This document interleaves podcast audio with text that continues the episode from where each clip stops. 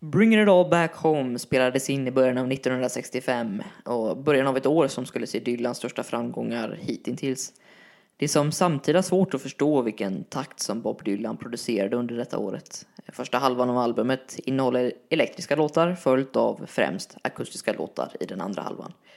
Och albumet överger protestmusiken från Dylans tidigare skivor, ja, men nu till förmån för mer surrealistiska och komplexa texter. Eh, på den första sidan av den ursprungliga LPn ackompanjeras eh, Dylan av ett elektriskt rockband. En förändring som ytterligare gjorde honom avlägsnad från några av hans ja, men tidiga jämlikar inom folkmusiken. Och albumet det nådde sjätte plats på Billboards popalbumlista och Dylans första LP att ta sig in på topp 10-listan i USA faktiskt. Eh, den toppade även de brittiska listorna samma vår. Eh, den första låten, Subterranean Homesick Blues, blev Dylans första singel som nådde listorna i USA och nådde 39 plats. Eh, och Bring It All Back Home har beskrivits som en av de ja, bästa albumen genom tiderna av flera publikationer.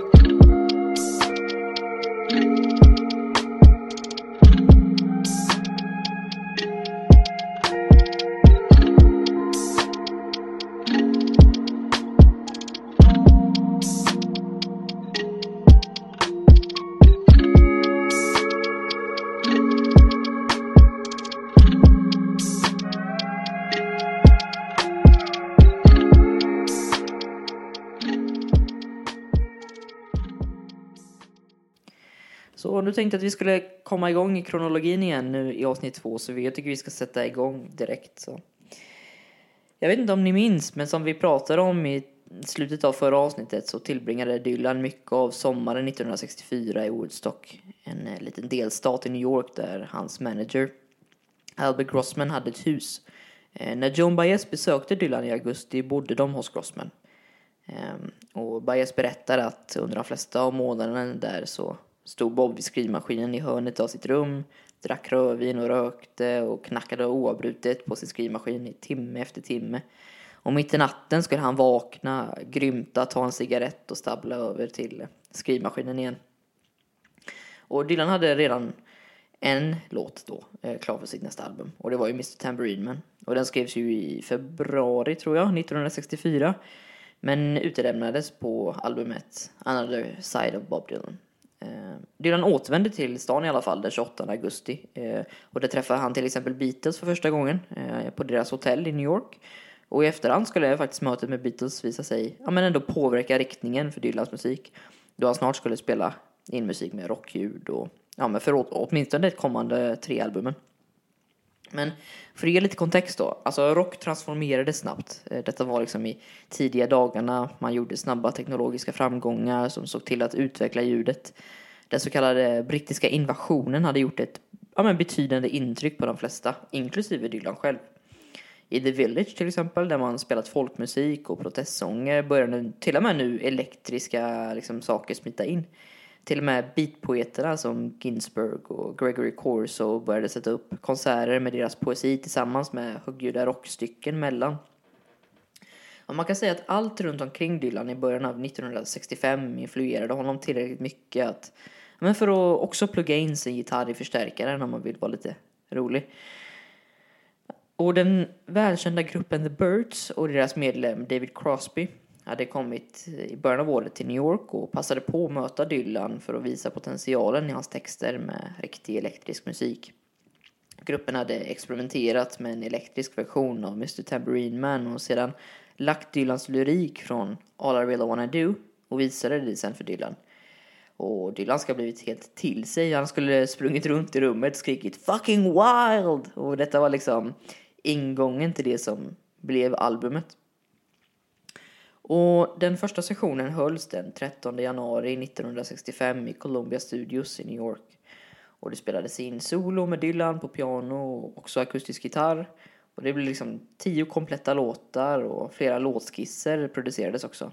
Eh, nästan alla av dem kasserades egentligen men under denna tid växte Dylans texter, liksom som jag sa innan, allt mer surrealistiska och hans prosa blev mer ja, stilistisk och han kunde spela in elektriska versioner av nästan varje låt som inkluderades på det slutgiltiga albumet.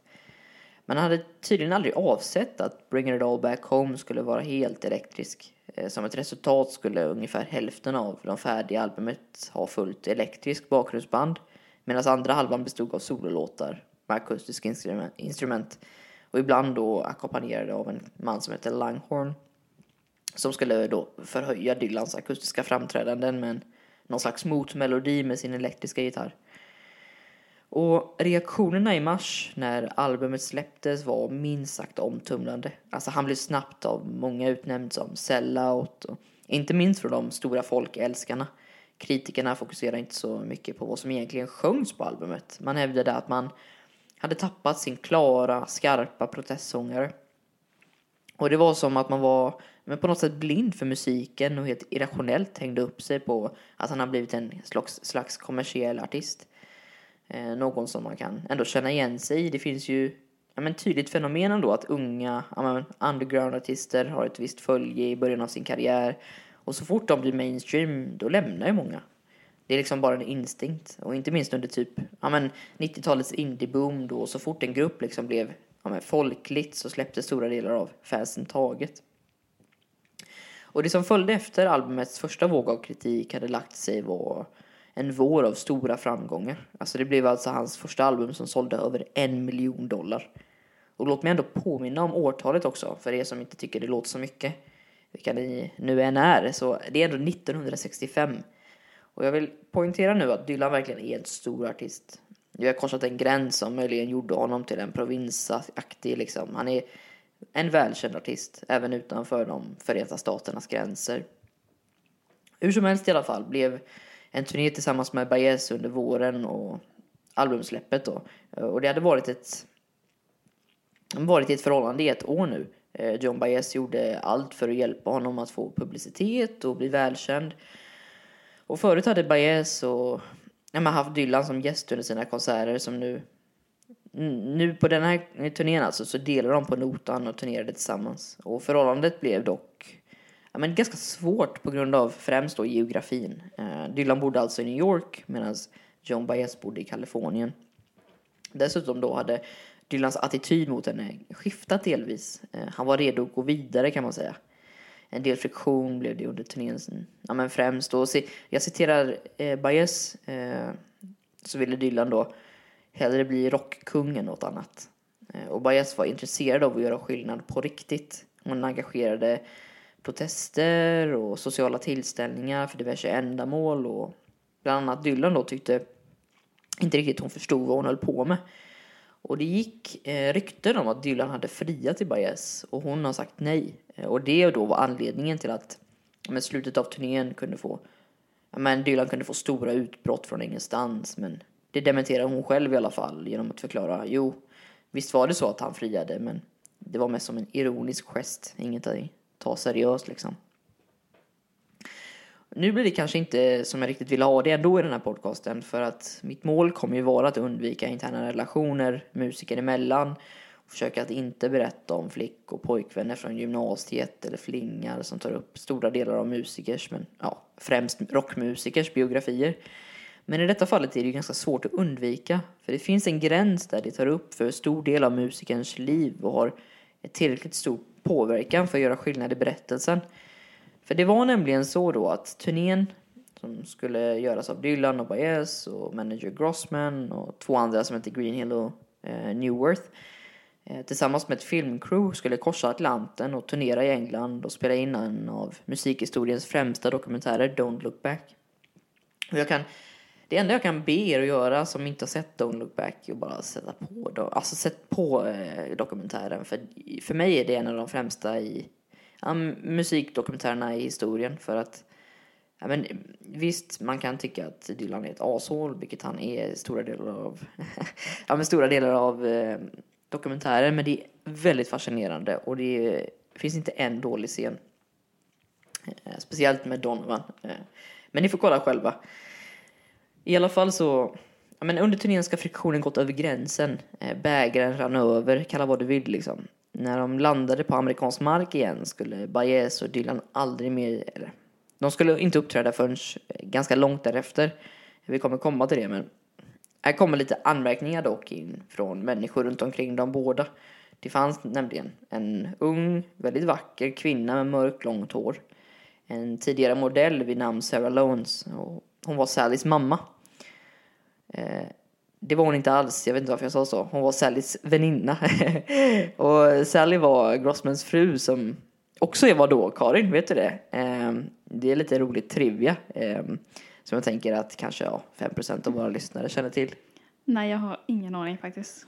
Nej, jag förstår det. Och det är väldigt svårt och jag tänker inte ens pusha längre. Men hon är alltså kvinnan bredvid Dylan på framsidan av albumet Bring It All Back Home. Så det kan ni kolla upp själva om ni vill. Ehm, och de träffades i slutet av 1964. Och hon, ja, men hon verkar verkligen ha gjort ett märkbart intryck på Dylan redan då. Ehm, ni vet i huset i Upstate New York som jag pratade om innan, eh, så Dylan spenderade mycket tid i. Där träffades de då eh, första gången hemma hos Grossmans. Och sen när Dylan flyttade in på Chelsea Hotel där Sarah bodde spenderade de mycket tid tillsammans. Och det har gjorts utläggningar och dragit slutsatser om detta förut och vi kanske inte måste gå in på alla rykten alldeles för mycket. Men det sägs vara så att Dylan var tuff och fick utbrott mot Baez som en medveten strategi under denna tiden för att ja, men avsluta förhållandet för att i sin tur kunna bli tillsammans med Sarah. Efter den legendariska turnén i England på försommaren sa Dylan uttryckligen att han bara ville avsluta musiken. Alltså, visst han var dramatisk, men han sa att det helt enkelt var för enkelt för honom. Alltså han ifrågasätter personer som ens valde att komma till hans konserter från början. Han förstod liksom inte riktigt vad som lockade dem att se honom framföra sina låtar.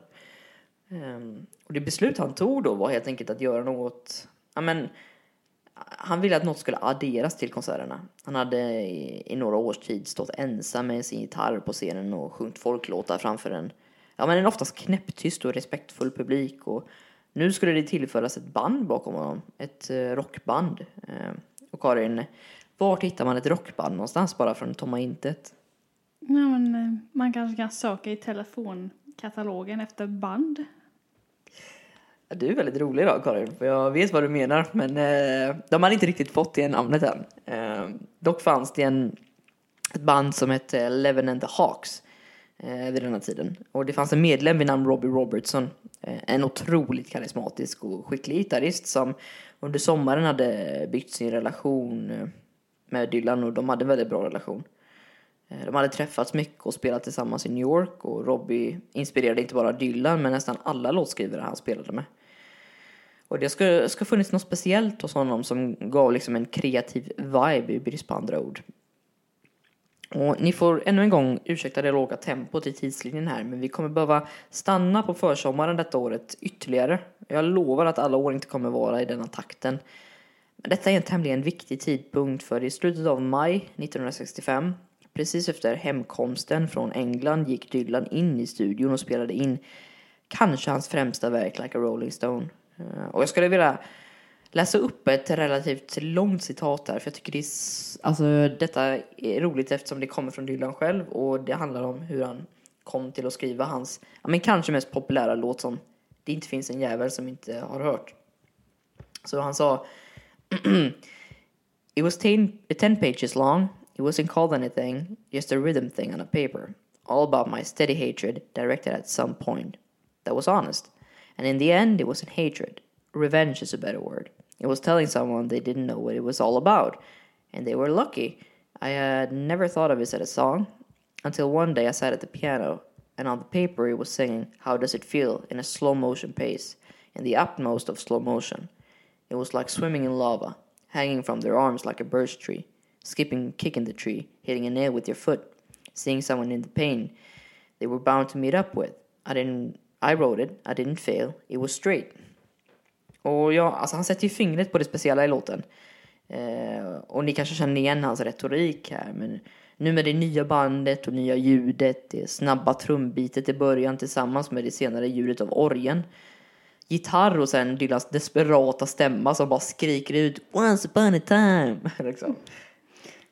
Och nu kanske det kommer en av den här poddens, eller kanske musikhistoriens mest eh, främsta ögonblick. Ja, alltså minst sagt. För den 25 juli 1965 har redan kommit med i rockhistorien och en händelse som pratas om i historiska medier och tryckta texter. Och det är liksom sådär 60 år efter det hände. För det var nämligen så att det är söndag kväll i slutet av juli på New Pork Folk Festival. Eh, Dylan var festivalens stora stjärna. Han hade några år tidigare fått sin, ja, men sitt definitiva genombrott här som vi pratat om tidigare. Men nu behövdes liksom ingen introduktion. Han, det är inte samma unga man som står på scenen den kvällen. Däremot en komplett makeover hade han fått. Alltså nya kläder, frisyr, en ny attityd. Han har, ja, han har skapat sig en personlighet. Och med publiken sittandes tyst framför sig. En publik som beundrar han och honom och har köpt hans skivor. De ska snart få se någonting tämligen oväntat. För bakom sig börjar bandet Paul Butterflies Blues Band. Ett fantastiskt namn. Eh, ta plats. Och någon då går in och kopplar in Dylans gitarr i en förstärkare. Och liksom, ni förstår, alltså förvirrade blickar uppstår i publiken och ett mummel sprider sig. Och sen börjar äh, låten då, äh, Maggie's Farm. För där vill ju faktiskt Dylan inte arbeta längre. Och publiken kan inte höras på grund av det oerhörda ljudsystemet.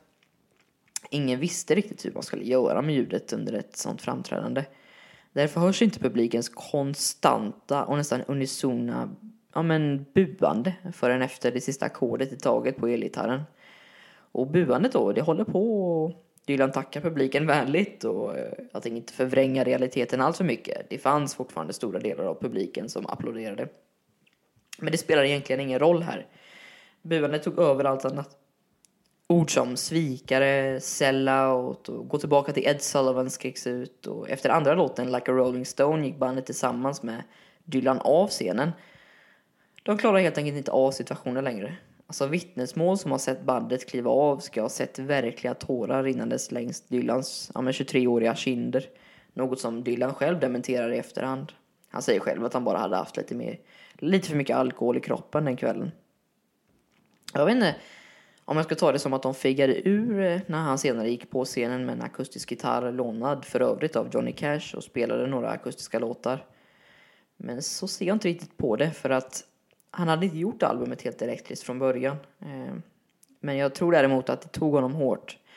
Att få en publik i storleken av en mellanstor svensk stad driven mot dig måste ta emot på riktigt. Men nu efter första låten med bara Dylan och hans akustiska gitarr ställer sig publiken upp och hyllar honom unisont. Eh, de har vunnit, tänker de. De önskar låtar och Dylan ger dem exakt vad de vill ha.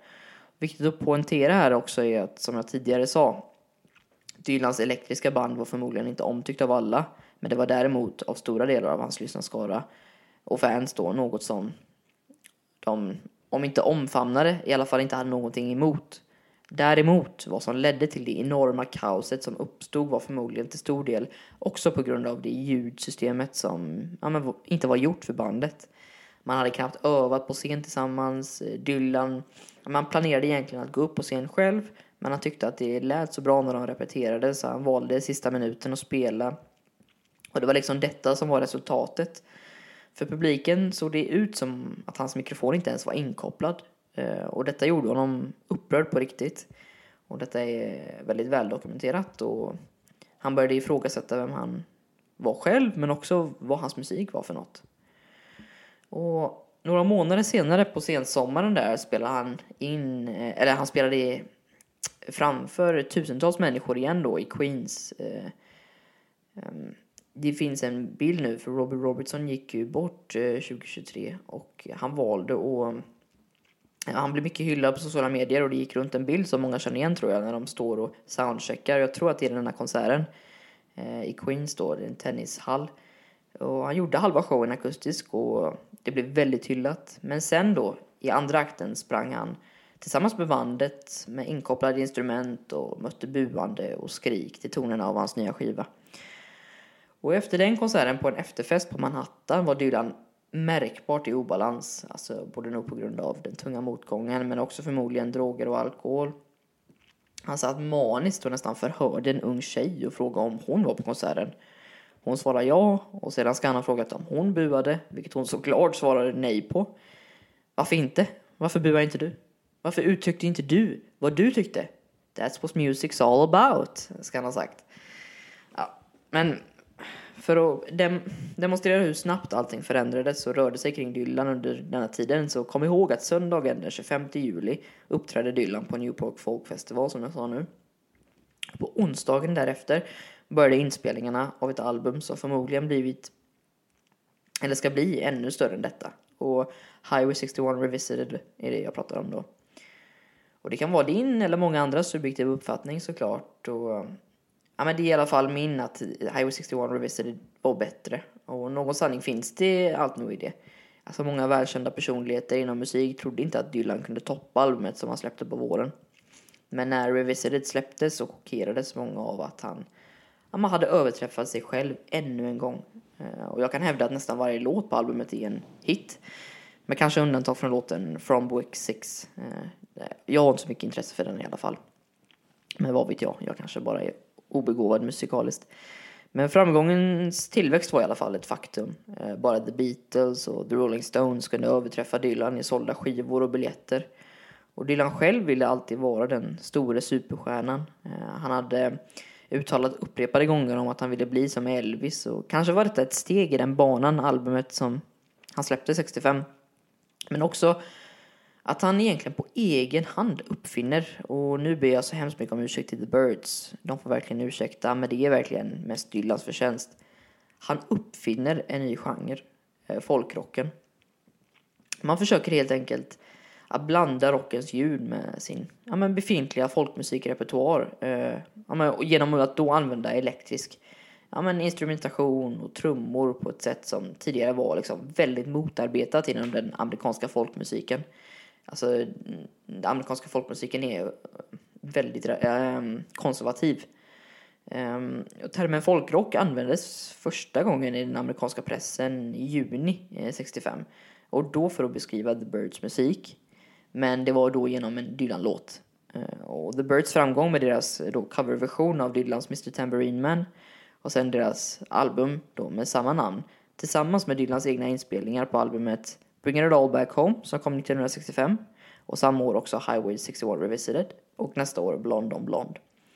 Och alla dessa liksom inspirerade andra folkmusiker som Simon Garfunkel till exempel och använda elektrisk liksom ackompanjering med sina skivor. Men till och med nya grupper att bildas, typ Buffalo Springfield och andra grupper helt enkelt. Hade inte Grossman stora planer för Dylan under den här perioden? Ja, vi ber om lov att hoppa över hans diskreta giftermål med Sarah under hösten 65. Alltså, och det uppskattar nog Dylan också eftersom han höll det väldigt diskret och ljög till och med stundtal som att det inte hade inträffat. Men ja, eh, som du säger Karin, ville Grossman ha ut Dylan på en världsturné så snabbt som det bara gick. Trots att Grossman möjligen hade Dylans plånbok och hans egna såklart som främsta ja, men, måttstock. Ja, det kanske inte är eh, skitsamma. Han hade nog dessvärre inte Dylans välmående som absoluta främsta prioritet liksom. Världsturnén skulle komma, ja, men som skulle komma skall under 65 och 66 var Ja, men det skulle vara Dylans balansgång på den tunna linan mellan liv och död. Och nu överdriver jag inte. Ehm, och den balansgången då skulle göras framför ögonen på en absurd mängd människor. Konserterna liksom under turnén var lika förekommande som arbetsdagar för en 9-5 arbetare under en vecka. Dylan behövde ofta springa från skrikande fans och samt journalister. Han sprang in och ut ur limousiner och ibland också det privatjet han använde in och ut ur motell till konserthallar för att sedan behöva hålla rösten relativt okej okay under hela tiden. Därför har ju många undrat hur det ens var möjligt för Dylan, för Dylan att få ur sig ytterligare ett album på senvåren 66. Och då pratar jag förstås om Blond on Blond. Och det är en relevant fråga. Men han hade faktiskt under tiden han inte stod på scen skrivit. Han försökte liksom hitta melodier konstant och hade under ett års tid skrapat ihop till vad som skulle bli detta albumet. Bob Dylan led minst sagt av, av kronisk stress under denna tiden och hans drogmissbruk hjälpte inte till. Ehm, han hade liksom bytt ut marijuanan eh, relativt ändå eh, okej okay till speed eh, och då som föredragen drog. Eh, något som kanske inte hjälpte med, ja men, no, jo men det hjälpte med tempot under vilket han levde efter. Men också bidrog det till en totala krasch som när som helst kunde inträffa. Och jag har hört människor gå in i väggen för om man får säga, mindre saker inom citationstecken. Jag hoppas att ni tolkar mig rätt här. Eh, och under mitten av våren hade Dylans missbruk helt spårat ut. Alltså han hade mentala breakdowns ofta och var rasande på bland annat Grossman som, om man kan säga det, utsatte honom för detta, eh, enligt Dylan själv då. Och under denna tiden hade han eh, två månader kvar ungefär på turnén som redan hade varit i Australien, Stockholm, eh, Paris, Rom, Köpenhamn och också så här majoriteten av de brittiska öarna. Och motgången var inte nog med missbruket, men en vanlig artist hade nog brutits av endast det faktum att varje gång han gick ut på scenen med en elgitarr och bandet så började buandet direkt. Alltså människor lämnade konserthallen och eh, kritik såg ut som ja, men det gjorde under Newport, fast om och om igen. Trots att då teknikerna jobbade på att få till ljudet så bra som möjligt, men i det stora hela var det inte den främsta anledningen till buandet. Eh, tänkte själv att flera dagar i veckan mellan intensivt resande, gå på scen och bli mottagen med motstånd. Och i detta då minns jag en scen ur Scorseses dokumentär No Directions Home. När Dylan då, före konserten, får veta att en anonym person har ringt in och sagt att han ska skjuta ihjäl Dylan. Och jag önskar jag kunde, jag, jag tror inte jag kan visa i detta klippet, men det är liksom en Kanske Karin, du kanske kan kolla på klippet och förklara vad du ser. Karin ska nu eh, kolla på klippet för första gången och så får hon förklara vad hon, eh, hur hon, vad hon ser på skärmen. Detta är alltså backstage på, på konserten. Ja, det, jag vet inte. Ska väl försöka göra mitt bästa. Så de står väl och så frågar Dylan, finns det en eh, shotgun i huset? Säger, är det här, eh, Direktören. ja, och han säger det är bara ett prank då. Och så han och skrattar nervöst. Men Dylan ser inte så bekväm ut. Jag tror inte riktigt han faller för det. Du får sätta på ljudet och höra vad han säger.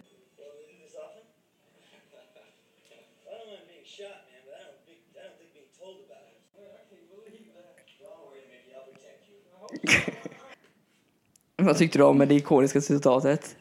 Ja, han sa... I don't mind being shot but I don't dig being told about it. Ja, jo men det verkar ju väldigt eh, kaotiskt. Men Dylan verkar ju ganska lugn och sansad som Ja, och alltid. sen så börjar han bläddra i en tidning och det är märkbart att han inte ens läser den. Men Han ja. försökte väl bara lugna ner sig själv tror jag. Det Ja. såg så ut. jävlar vad jag hade fått panik i den situationen. Men själva citatet I don't mind being shot but I don't dig being told about it. Det är verkligen, jag vill inte överanalysera men den är djup på så många nivåer. Jag menar att rädslan är vad som gör döden ja, men så hemsk för det mänskliga psyket samtidigt som den eh, men det förmodligen är värre än en kort period av terror. Alltså, det värsta i detta är ju att förmodligen att man får tid att fantisera, eller mer korrekt då, fundera på sin egen död.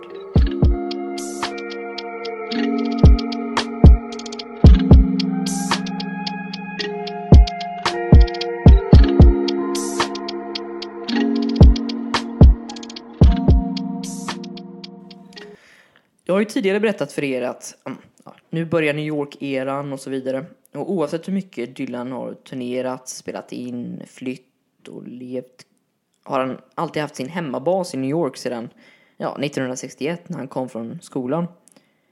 Och detta förändrades under inspelningen av albumet Blond on Blond. Um, han fick rådet att försöka hitta andra ljud i Nashville när inspelningarna inte riktigt gick som han hade önskat i New York.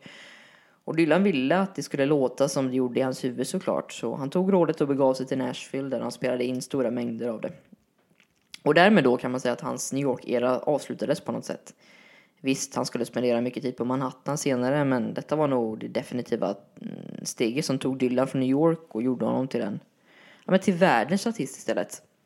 Um, och Vanity Fair pickade ut Blond on Blonde som det album som var det främsta litterära beviset på varför Dylan förtjänade Nobelpriset 2016. I en artikel skriver de ungefär så här, um, och nu parafraserar jag, men albumet är en vädjan, liksom. en förbannelse, en välsignelse, allt i ett. Kärlek, bespottning, tillbedjan och svek tävlar om att Ja men tävlar om övertaget i en sonik och poetiskt mästerverk efter mästerverk och 50 år efter dess utgivning är det fortfarande svårt att förstå exakt vad som gnagde på Bob Dylan när han spelade in Blond on Blond. Men det är inte svårt att förstå varför det kommer att kommas ihåg som en av rock'n'roll-historiens största album genom tiderna. Bara en 24-årig person på toppen av världen kunde låta så förutseende, så romantisk, så världstrött, så oreglig. Och jag tycker att detta, liksom, den här parafraseringen som jag gjorde nu, summerar detta albumet väldigt bra. Eh, dessutom när vi känner till kontexten bättre och när vi vet skapandet, då tycker jag det blir lite häftigare till och med. Och tillsammans med det cirkelslutande albumet då, det fjärde av de fyra enorma albumen som kom på 60-talet, så fortsatte världsturnén på sommaren, eller försommaren 66. Och intresset var högt trots kritiken och det var under den brittiska delen av världsturnén som kanske inte bara Dylans utan rockmusikens kändaste bootleg skapades. Den kända konserten på Royal Albert Hall, som den brukar kallas men som faktiskt är inspelad i Manchester Free Trade Hall. Som jag nämnt kanske tusen gånger nu var ju Dylan på sin värsta tidpunkt. Det är ungefär nu som klimaxet i hans missbruk och hans mentala hälsa är åt helvete. Och detta syns på honom när han i en grå ullkostym träder fram på scenen.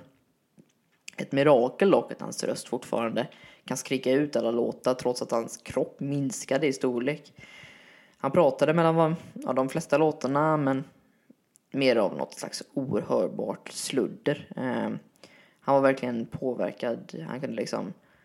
Eh, han sa någon gång This is... Uh, this is called... Uh, yes! Sa han innan början av, jag tror det var Leopard Skin Pill, Pillbox Hat. Och efter några låtar blev det en kort paus mellan två låtar då. Och Mulle från publiken tar upp det mesta av inspelningen eh, som vi hör idag. Men när början av Like a Rolling Stone börjar eh, så skriker någon från publiken Judas! Eh, vilket på då Dylan svarar att han inte tror på honom. Och detta är då något av ett legendariskt tillfälle i Dylans biografi.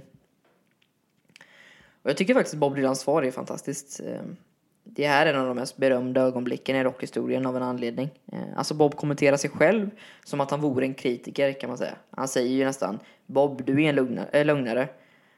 Jag kan inte fatta att du went electric liksom. Genom att ta upp lögnen så omfamnar han också rollen som Judas. Judas som är, ja som ni alla vet, historiens mest kända lögner. Kommer ju ofta upp i sådana här exempel. Det fanns ju en symbolisk sak i det som han sa. Eh, men sedan vänder ju sig Dylan till sitt band och säger spela nästa låt jävligt högt. Eh, och sedan slår han nästan publiken med en elektrisk gitarr. Och han upprepar ju sina kritiker på något slags ja, men kryptiskt sätt för att sedan omedelbart säga jag skiter väl i er. Jag kommer göra som jag vill.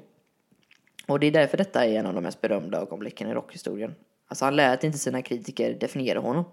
Och det satte verkligen tonen för hans karriär som något som ja, men producerar mu- den musik han gillar och inte viker sig för motstånd. Um, Men det är väl också viktigt att förstå att han förmodligen är väldigt hög och förde förmodligen inte en så ja, men sånt elegant respons som många kanske hoppades på. Men det var liksom rakt igenom en, vad man brukar säga på engelska, stream of consciousness. Men när Dylan kom hem från turnén då, under samma eh, sommar där, så fick han inte riktigt en paus. Lanseringen av dokumentärfilmer och press hade tagit upp tiden eh, som han behövde vila på. Och detta försiggick under juli månad tills morgonen den 29 juli, en fredag, eh, då Bob och Sarah höll på att lämna Grossmans hus, som vi pratat om mycket. Och Dylan hade fått med sig en gammal motorcykel från ett garage som han ville köra till mekanikern. Eh, och Sarah tog därför bilen för att åka efter Dylan då. Och efter de hade åkt så stod Sally, alltså Grossmans fru, i hallen och talade i telefon med Albert som befann sig på Manhattan då. Eh, och när plötsligt Sarahs bil kom tillbaka mot huset i hög fart eh, och i bilen befann sig då Dylan och Sarah.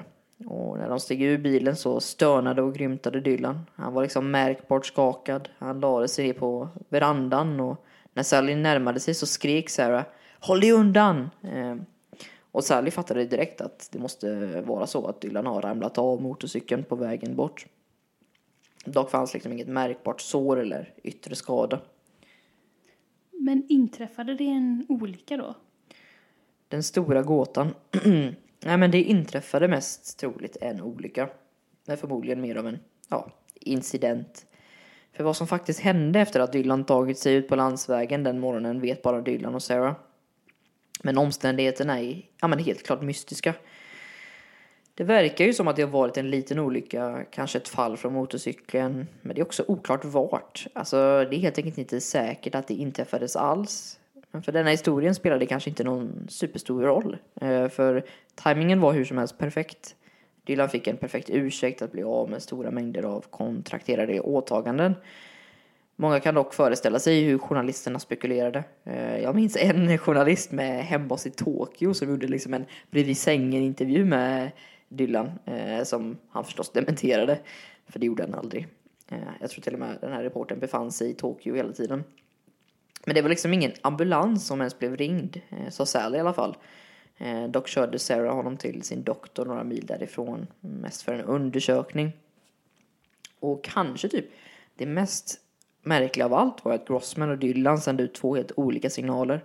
Grossman sa direkt då att Dylan hade brutit nacken och skulle behöva vara ledig några månader medan David då, eh, Bobs bror som vi pratade om förra avsnittet, han hävdade att det inte alls brutit nacken och att det var mer av en liten olycka bara. Hur som helst så ställde man in stora konserter bara en vecka fram i tiden. Och sanningen var att det inte skulle, ja men det skulle vara så att Dylan inte turnerade på mer än åtta år framöver. Och slutsatsen av olyckan går knappt att ta, tycker jag. Eh, bara Dylan vet själv hur illa han blev drabbad. Eh, man har först- ja, men man...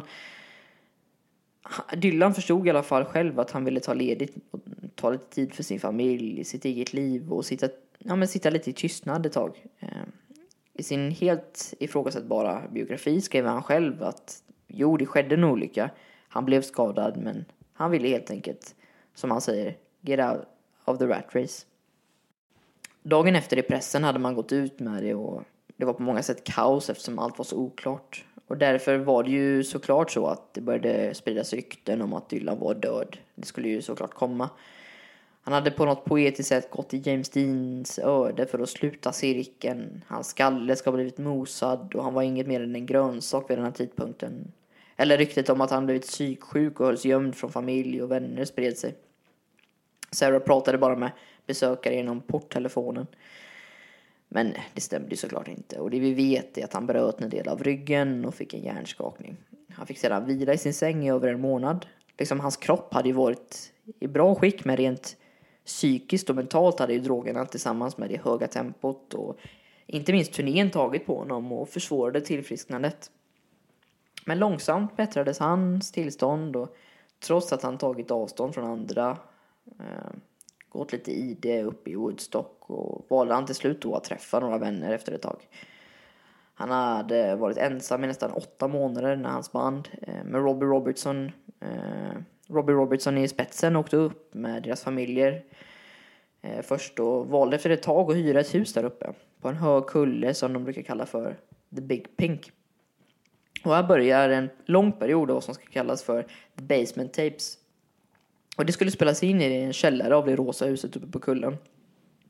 Det mesta av sig sådär hundra låtar som spelades in med liksom fönstret öppet och en hund sovandes på golvet skickades ut till olika artister och skivbolag för andras, ja, för andra artisters vägnar. Men musiken visade ändå vilket håll som Dylans egna musik var på väg. Och det var helt, en- helt enkelt en annan riktning än förut.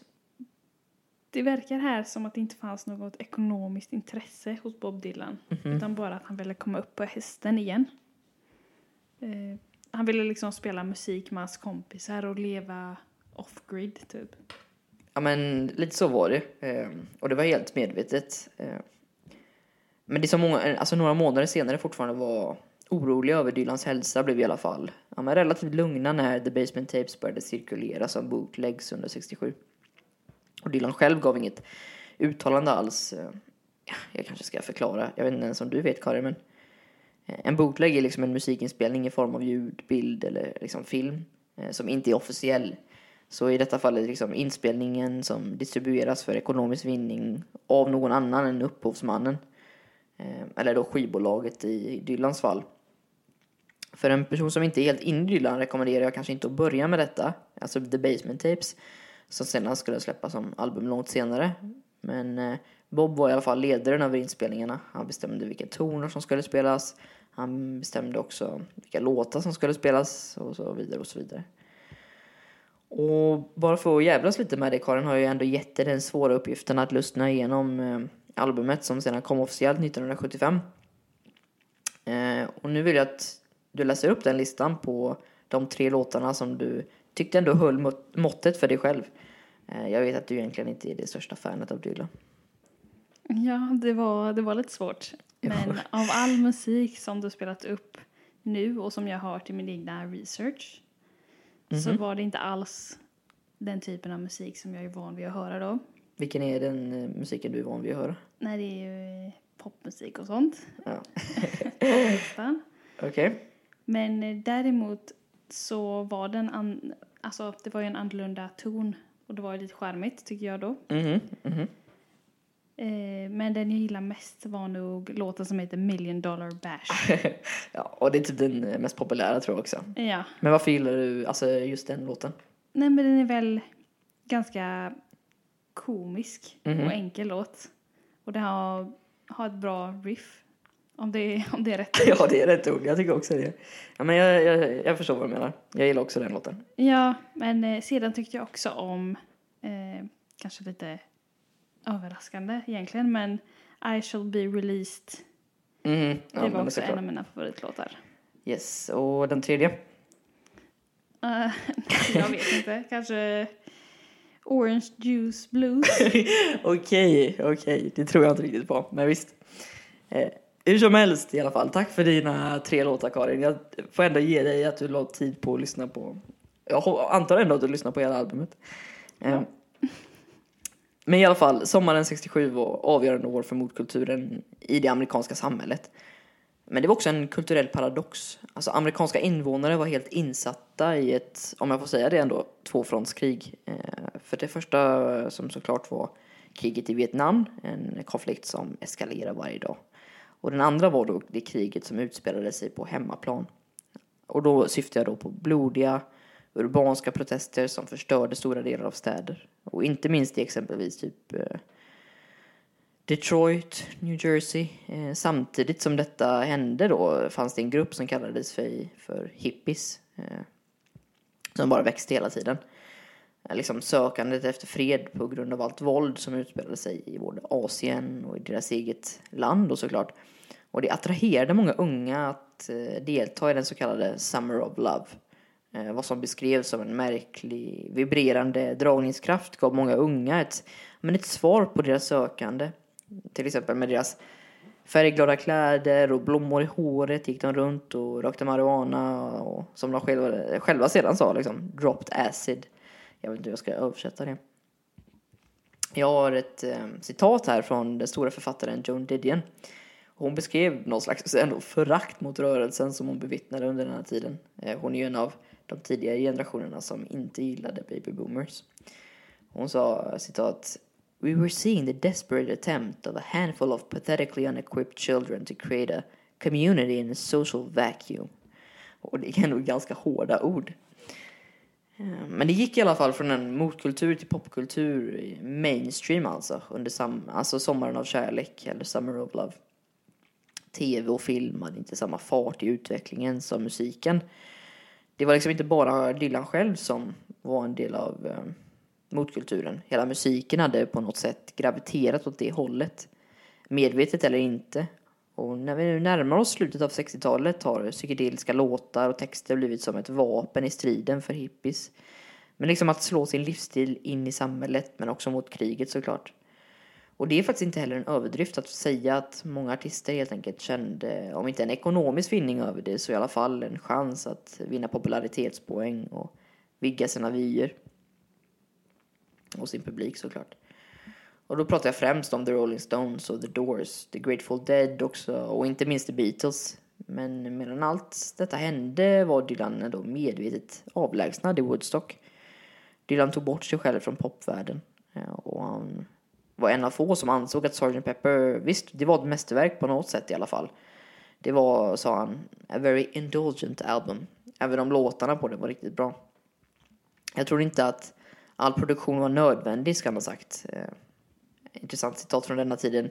Vid The Basement Tapes och hippierörelsen så sa Dylan också At the time, alltså 1967, eh, psychedelic rock was overtaking the universe. So we were singing these humsbone, humsbone ballads. They said it was ahead of its time, but actually it was behind its time. Slutcitat. Eh, och i lugnet i Woodstock höll han sig relativt drogfri i alla fall. Han bildade familj, spelade musik med sina bästa vänner. Ja, men som han, han hade liksom ett naturligt levande ljud till skillnad från all annan musik vid detta året. Dylan tillbring, eh, tillbringade en del av varje dag av att läsa Bibeln och Hank Williams sångbok. Och ni kan ju country så det är typ samma sak egentligen. Och dessa var liksom influenserna bakom vad som skulle komma skall. Eh, John Wesley Harding, hans första studioalbum sedan olyckan. Och hans första album för Columbia under deras ja, nyligen omförhandlade kontrakt. Och Bob spelade in John Wesley Harding i tre sessioner under hösten 67 och albumet reflekterade också hans nya livsstil. Det är oerhört många influenser från Gud och Bibeln generellt. Hela albumet är egentligen ett långt sökande för Dylan som försökte bli något annat. Låtarna beskriver någon slags nyfödd person. Dessvärre då så samtidigt under denna perioden överlevde inte Summer of Love hösten. Eh, kanske därmed namnet Summer of Love. Eh, den 6 oktober 1967 blev det kanske lite för mycket med all uppmärksamhet, traditionell media, missbrukandet av alla möjliga droger som ökade kriminaliteten generellt. Hippisarna, om det är rätt böjning av ordet, val att själva dödsförklara rörelsen. Och detta gjordes då till någon slags symbolisk begravning eller kanske närmare ceremoni i San Francisco, eh, Golden Gate Park. Och liket som de då bar på var en stor låda där det stod skrivet Summer of Love på tydligt. Eh, lådan var liksom prydd i den, ja, men den korvblommiga växten zinnia eh, som kanske inte är så vanlig här i Sverige men ändå eh, väldigt, väldigt eh, vanlig i Amerikas. Och det är en tydlig symbolism också eftersom det är liksom man säger att det är the symbol of the death of the flower children. Och i slutet av ceremonin då sjöng 200 deltagande hippies God bless America. Och vad skulle det inte vara om de inte också sjöng Hare Krishna? Sen satte de eld på lådan och detta får ändå symbolisera slutet på Flower Power. Och detta då filmat av massvis av kameror och åskådare.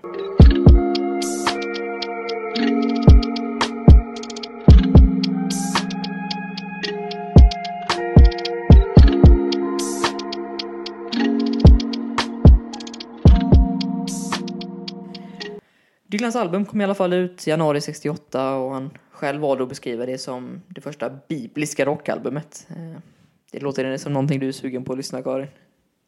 Ja, höga ord om eh, sitt eget album, men jag vet inte. Nej men alltså bibliska referenser, det är ju inte biblisk kvalitet. kanske- Det var kanske inte det jag syftade på. Men som jag varit inne på innan i alla fall så eh, en del på ändå så kom det ett album som en chock för många under de två åren som Dylan varit borta under det mest uppmärksammade strålkastarljuset har ja, men musiken förändrats. Förändrats. Eh, det liksom var experimentens tid. Man skulle skriva låtar som simulerade en LSD-tripp. Psykedeliska och kryptiska texter var liksom normalt och då när John Wesley Harding kom ut blev det som sagt en chock. Enkla instrumentella delar, gitarr, bas och trummor bakom en enkel, lugn röst och dess ägares munspel. Och låtarna förkortades ofta liksom från de här långa låtarna förut. Nu var de liksom två, tre minuter långa. Och Dylan skrev alla låtar under en ganska kort och intensiv period av inspiration. Jag tror att det endast var typ fem veckor eller något sånt. Om man vill lita på en okänd källa som det har skrivit om i flera mm, biografier så skrev Dylan de tre första låtarna under en två dagar lång tågresa från New York till Nashville. Om man inte följt Dylans karriär så länge så har man kanske inte så full koll på albumet. Men alla låtar, alla meningar och nästan alla ord har en underbyggande mening. Så jag tror också detta var helt medvetet från honom. Eh, Dylan hade förkortat texterna, som jag sa innan. Alltså komprimerat och också fått tid att göra så. Och i lugn och ro kunde han skriva, om man får säga, researcha med sin bibel. Och en av mina favoritlåtar är till exempel ehm, As I went out one morning. Eh, och här bygger Dylan på temat liksom. De ska göra mot dig det som de har gjort mot Kristus. Liksom. Eh, ändlösa bibel och västernsymbolism i liksom stor del av också, låten också och jag tycker ni ska lyssna på den. Eh, något som man kan sitta och analysera i timmar utan att ha läst mellan raderna på hälften av meningarna. Men det går inte att undvika att kanske en av de främsta influenserna för Dylan denna tiden, kanske speciellt på detta albumet, en idol som Dylan har haft länge, alltså den person som ägnat, ja men Dylan har ägnat år åt att kopiera, eh, använda som mall för sitt eget liv. Eh, den personen avlider ju nu vid den unga åldern av 55 år. För det är ju så att den 3 oktober dör Woody Guthrie av vad vi tidigare nämnt, hans samma eh, sjukdom som tog hans mor då, Huntington. En sjukdom, eh, en hemsk sjukdom som gav honom enormt lidande i slutet av hans liv. Och strax efter hans bortgång skulle Dylan göra sitt första framträdande sedan 1966. En hyllningskonsert till Woody i New York och många andra folkartister var där också. Och detta fick människor att undra om han kanske skulle komma tillbaka och börja turnera igen. Men det dementerade han ganska snabbt därpå och berättade att han redan varit runt världen två gånger. Han hade också saker att göra nu. Och då syftade han väl på sin familj. Och det är svårt att ignorera vad som hände i mellanrummet mellan John Wesley Harding och nästa album. Eh, mer än att Woody avled. Det var en eftermiddag den 5 juni 1968 som Dylan själv tog emot ett telefonsamtal från Minnesota. Efter att han lagt på vände han sig till sin vän och beordrade att han skulle få låna en Cadillac. Sedan packade han en liten väska, en li- liten gitarr också tror jag och sen blev han körd till flygplatsen där han tog nästa bästa flyg till Minnesota. Och Dylan berättade inte för någon förutom Sarah vad som hade hänt. Det var först när han kom tillbaka till Woodstock några dagar senare de alla fick veta. Samtalet han hade fått var ett dödsbesked. Eh, Abe Zimmerman, Dylans far, hade gått bort i en hjärtattack. Ett år äldre än vad Woody hade varit när han gick bort några veckor tidigare. Och det var uppenbart väldigt svårt för Dylan. Han hade inte hälsat på sin familj i Hibbing på länge. Dessutom hade hans föräldrar inte varit medverkande på hans vigsel med hans fru Sarah. Och de fick till och med tillsammans med omvärlden läsa om hans motorcykelolycka i pressen. Tillsammans med alla spekulationer då. Och det var efter hans begra- begravning eh, med en öppen kista i Minnesota som Abes kropp Eh, fördes till Duluth för att läggas i jorden då Dylan helt bröt ihop eh, helt enkelt. En av få tillfällen som han publikt visat stora känslor liksom okontrollerbart. Eh, och vem kan klandra honom egentligen? Det som han var positivt kunde, eller det lilla positiva man kunde ta från situationen var trots allt att Dylan blev sämre, närmre och närmre involverad i sin relation tillsammans med hans ja, nu enda levande förälder Betty. Eh, och så skulle det hålla i sig tills dagen hon också avled. En kort tid efter eh, detta då föddes Dylans tredje barn. Så mycket som hände här. Eh, och barnet blev delvis också döpt efter hans far, Samuel Abram. Heter barnet. Så. Nästa album kom i alla fall ut i april 69, Nashville Skyline. Och den första reaktionen på albumet var egentligen Hur kan du göra så här mot oss? Och detta kände man ju igen. Det var dock inte samma anledning som förut. När jag har lyssnat igenom hans album så tänkte jag att reaktionen skulle vara lite så här faktiskt. Eh, Det fanns inga riktiga protestlåtar. Inga som du nämnde innan eh, psykedeliska tendenser Mhm. eller mycket symbolism. Människor blev nog mest arga över att det bara var en kär och harmonisk man som skrivit ett countryalbum. Ja, men lite så. Och det var väl typ så också han ville få det att verka. Eh, för det, jag håller med allt du säger Karin. Eh, Dylan berättade för magasinet Newsweek till exempel eh, samma år att detta var typen av låtar han alltid velat skriva. Som du säger, liksom harmoniska kärlekslåtar. Att låtarna här reflekterar hans inre mer än något annat album han hade gjort. Människor förväntade sig en poet. Så detta är jag som försöker vara just det, en poet, hade han sagt. Så vissa textrader betyder mer än, för mig än många andra jag skrivit bakåt i tiden. Har han också sagt. Och detta är ju ett av tusen exempel vi redan visat på Dylans ständigt, eh, ständiga förändring. Han vill inte sätta sig i en låda och ha samma ramar varje år, varje dag. Hela tiden förändrades han.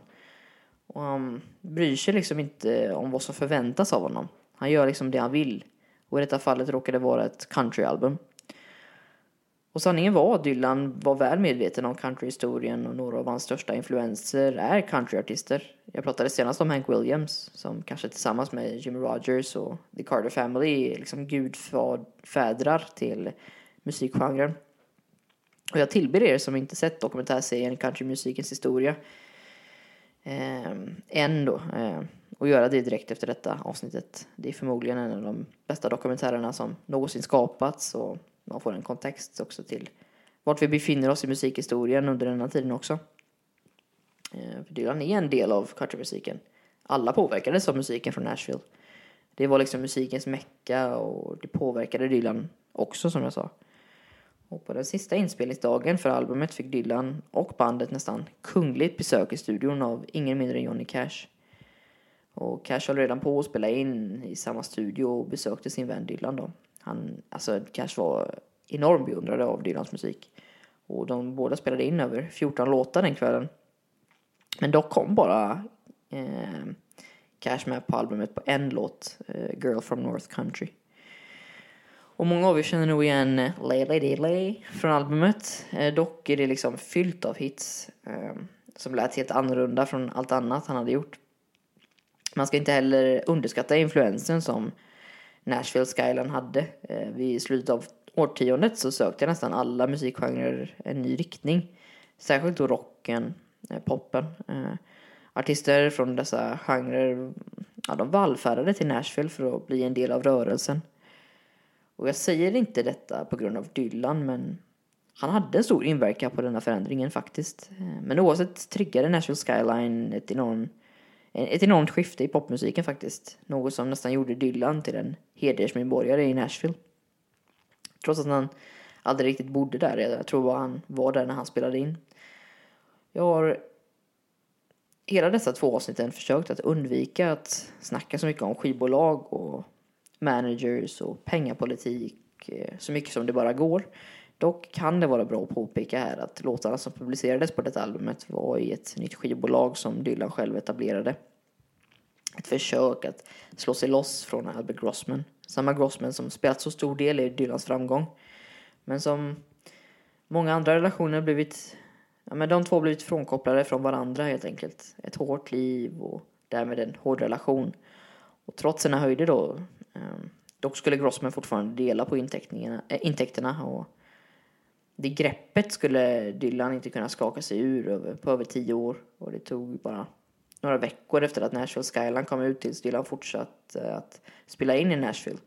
Detta var början på det totalt, nu i efterhand, sågande albumet eh, Self Portrait som eh, ett album som i och för sig jag älskar. Eh, och jag har inte tvingat dig Karin att lyssna på det. Detta skulle spelas in i både Nashville och New York i alla fall. Och sedan publiceras eh, halv, efter halva 70-talet, eller 1970 då. Nej, Inte halva 70-talet. Och det är alltså bara en egen låt på hela albumet. Och albumet var långt också. Eh, och, och det består också typ bara av smöriga poplåtar från den här tiden. Men det var låtar av Dylan, om man får säga, hans hjältar under den här tiden. Jag har sett albumet och känner igen många av de här låtarna då. Eh, Gör du verkligen det? Som Blue Moon, det är ju Elvis Mhm, och ja. The Boxer är väl Simon Garfunkel. Ja, ja exakt, The Boxer ja. Eh, jag känner ju inte igen så många men de här två är liksom de två eh, mest lyssnade också tror jag på Spotify i alla fall. Och jag älskar faktiskt låten Let it be me eh, om någon vill ha tips där men kritikernas första reaktion var i alla fall främst att det kändes helt absurt att deras tids största låtförfattare hade gjort ett märkligt coveralbum med bara dåliga poplåtar. Och Dylan hävdade själv att han inte men han hade velat göra detta albumet ett långt tag. Eh, det tog nästan ett helt år att sätta på alla instrument och sen mixa för det var liksom orkestrar och blåsinstrument och allt. Men på grund av att, ja, men det jag berättade förut så hade Dylan kanske ja, men en underliggande agenda med allt detta. Grossman och Dylans relation hade ja, men urartat och Grossman var inte ens med när de spelade in längre. Och genom att nästan enbart göra covers kunde Dylan göra så att ja, men Grossman inte fick några intäkter från albumet alls. Men jag orkar inte med att prata om alltså, allt just detta krånglet med pengar och så för vi har mycket roligare saker framför oss. Och Dylan hade alltså mycket problem med fans till exempel. Det här är en av de roliga grejerna verkligen. Som kom då och besökte honom i Woodstock under den här tiden. Ni kan nog tänka er själva. Folk som vill komma för att se en glimt av honom. Och men, eh, när han kom tillbaka från Nashville då eskalerade detta alltså mycket mer än vad det gjorde förut. ungdomar, ja men de cirkulerade. Ja men det var en väldigt lättfunnen bostad i Woodstock och de kom till och med på natten och skrek och störde för att få uppmärksamhet. Och fans som var på gatan utanför bostaden ja, men kunde till och med ta sig in på själva tomten. Och det eskalerade till och med så illa att eh, ja, men fans kom in i bostaden. Alltså först hade Dylan bara konfronterat dem som vågade sig fram i närheten av huset och sagt till dem ganska lugnt då att ja, men de måste respektera hans privatliv. De flesta då reagerade såklart bra på det. Många skämdes såklart, men en gång ringde Dylan sin vän Dorfman som sa till honom att han skulle komma över så snabbt som bara in i helvete för Dylan hade sett någon inne i huset. Och tillsammans så gick de igenom rum för rum och när de då till slut hade nått sovrummet ja men då fann de ett hippiepar som just hade haft sex i Dylans säng. Och ja men Dylan ska ha varit förvånansvärt lugn när han frågade vad de höll på med. De ska bara ha svarat att ja men vi är bara på väg att lämna nu så ni behöver inte vara oroliga. men flera liknande alltså incidenter inträffade. Vissa mindre aggressiva än andra. Polisen fick till och med bli tillkallad en kväll när en sinnesförvirrad man bara hade ja, men hittats i Dylans vardagsrum läsandes en ja, men poesisamling. Tydligen så skrattade Dylan bara åt det. Men många var mer aggressiva som jag sa innan liksom. Försökte liksom bryta sig in genom dörren tre gånger under en månad och paret Dylan fick nog eh, nog, nog kan man säga en kväll eh, när de båda då hade vaknat mitt i natten av att en man stod och stirrade på dem när de låg och sov. Man hade sedan hittat två gevär i hans ägo och därför valde Dylan ganska rättfärdigt då att flytta från Woodstock. Men oavsett vad slutar aldrig tiden att gå tyvärr. Vi har nu liksom passerat en av de mest absurda, utvecklande och betydelsefulla årtionden musikhistorien någonsin har skådat. Och Dylan spelade ja, men en stor roll i hur den såg ut och skulle kommas ihåg. I slutet av 69 skulle Dylan göra sitt första stora ja, men framträdande på länge när han flög över Atlanten till Storbritannien. På Isle of Wight-festivalen 1969 gjorde Bob Dylan en ja, men minnesvärd comeback minst sagt. Efter motorcykelolyckan 66 hade Dylan blivit någon form av gåta inom musikvärlden. Och istället för Woodstock så men som var den riktigt stora dragplåstret under denna helgen tror jag, så hölls liksom nära hans hem också i Upstate New York valde han ändå att uppträda på den då ja, men relativt okända ön Isle of Wight. Och Dylan och hans familj skulle ha rest med Queen Elizabeth II över Atlanten till festivalen då. Till och med med hans son Jesse. Men hans son Jesse då skadades allvarligt och hamnade på sjukhus efter att ha ja, men blivit träffad av en hyttdörr tror jag. Så Dylan lyckades ändå ta sig till festivalen i sista minuten med flyg. Och ryktet om att någon, eller ja men alltså flera medlemmar i The Beatles skulle gå med Dylan på scen. Det hade liksom skapat enorma förväntningar på kvällen. Och även om ingen av Beatles faktiskt spelade med Dylan till slut var liksom den stjärnspäckade publiken full av kändisar som ja, men George Harrison, John Lennon var där, Eh, Ringo Starr, Keith Richards, eh, Eric Clapton var där, Yoko Ono, eh, Jane Fonda eh, och hon är franska ehm, stora sångaren som jag alltid har svårt att uttala men hon heter väl någonting såhär Francoise Hardy eller någonting. Eh, många vet nog vem det är. Och det var såklart många andra kändisar där. Eh, alltså, det var en av de mest stjärnspäckade publik stjärnspäckade publiken någonsin egentligen. När väl Dylan kom upp på scen gjorde han det till ja, stående ovationer i alla fall. Alltså hans uppsyn påminde tydligt om liksom Hank Williams. Och efter första låten berättade han för publiken att han ja, men tyckte det var fantastiskt att vara där. Ganska ovanligt för honom ändå. Liksom. Ehm, hela hans sätt var en, ja, men en demonstration på hans mångsidighet. Han lyckades få till ja, men både jazziga, blåa ballader och gamla klassiker från 60-talet. Och till slut många av hans nya countrylåtar också faktiskt. Eh, och publiken då tog emot på många möjliga sätt, många olika liksom möjliga sätt och oavsett vad var Dylan fortfarande i ett ganska dåligt humör när han väl landade i New York igen. Förmodligen tyckte han att han var ja, men ringrostig. Han sa att det kändes mer som en uppvärmning för hans fram, alltså framtida amerikanska turné än något annat. Men det men, dåliga självförtroendet det släppte liksom inte. Det växte istället. Och det har spekulerats kring om detta framträdandet var en anledning till att han inte riktigt kom igång igen ändå på några år. Och oavsett vad så ska jag försöka öka tempot lite här. Han gjorde under denna perioden också ett antal ja, med välgörenhetskonserter tillsammans med andra artister. Och detta berodde nog till stor del till att han hade blivit mer ja, men politiskt engagerad. Han hade under tiden han var i Ide då hemma efter olyckan börjat läsa upp, ja, men börjat läsa upp sig på eh, men jagat sina judiska rötter mer och blivit, om man kan säga det, sökande efter sin bakgrund och identitet egentligen. Och den mest uppmärksammade välgörenhetskonserten var förmodligen konserten för Bangladesh. Eh, och detta skulle bli liksom startskottet på en rad av liknande välgörenheter under resten av 1900-talet. Det var en av liksom anledningarna till att Live Aid, Band Aid, Farm Aid och liksom alla de eh, anordnades senare. Det var egentligen två konserter som hölls den 1 augusti 1971 och publiken var stor och fullsatt i Madison Square Garden i New York. 40 000 personer tror jag. Och initiativtagaren var liksom ingen mindre än George Harrison. Eh, bakgrunden till detta, alltså konflikten är ganska invecklad och jag, den kan liksom inte förklaras på några minuter. Och jag vet inte ens om jag förstår helt och hållet heller.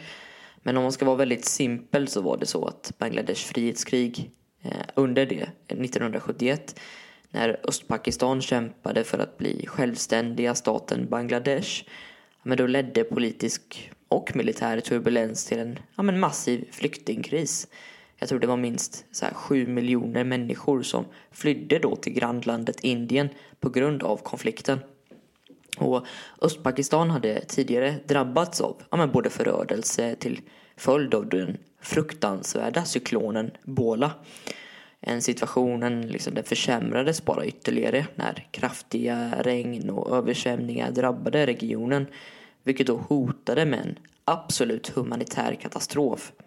Och det rapporterades att hundratusentals människor hade dödats av cyklonen i november 1970 och den pakistanska armén följ, alltså följande våldsamma kampanj under Operation Searchlight den hade krävt, jag tror det var 250 000 civila liv. Och jag tror att det till och med är liksom enligt de mest försiktiga uppskattningarna. Så jag tror att ni förstår vilken magnitud detta har om ni inte redan kände till det. En, alltså efter flyktingströmmen till Calcutta stod de drabbade inför svält och utbrott av sjukdomar som liksom kolera. Eh, och Ravi Shankar, en bengalisk musiker då, förde först frågan om situationen i sitt hemland och sina släktingar till sin vän George Harrison i början av 1971.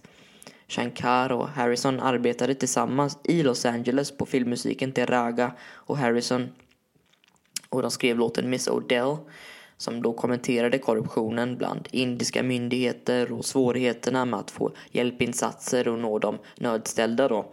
Och efter att ha fått reda på omfattningen av Bangladesh-tragedin från Shankar och en artikel publicerad i Sunday Times där journalisten Anthony Meshorens avslöjade fa alltså fasorna av Bangladesh-konflikten.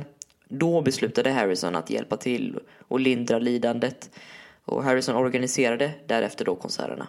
Det var alltså en välgörenhetsinsats för att samla in medel och medvetenhet för den, eller om den humanitära krisen i Bangladesh. Jag hoppas att det var ganska tydligt nu och det spelade i alla fall en viktig roll i att öka medvetenhet om Bangladesh frihetskrig och hjälpte till att samla in medel för just de drabbade. Vet du hur mycket de lyckades samla in? Men Shankar hoppades ju först på att dra in 250 000 svenska kronor. Man får nog lägga dit en nolla om man vill komma fram till det själva slutgiltiga resultatet. Tänk också att detta är 1971 sett till inflation då alltså.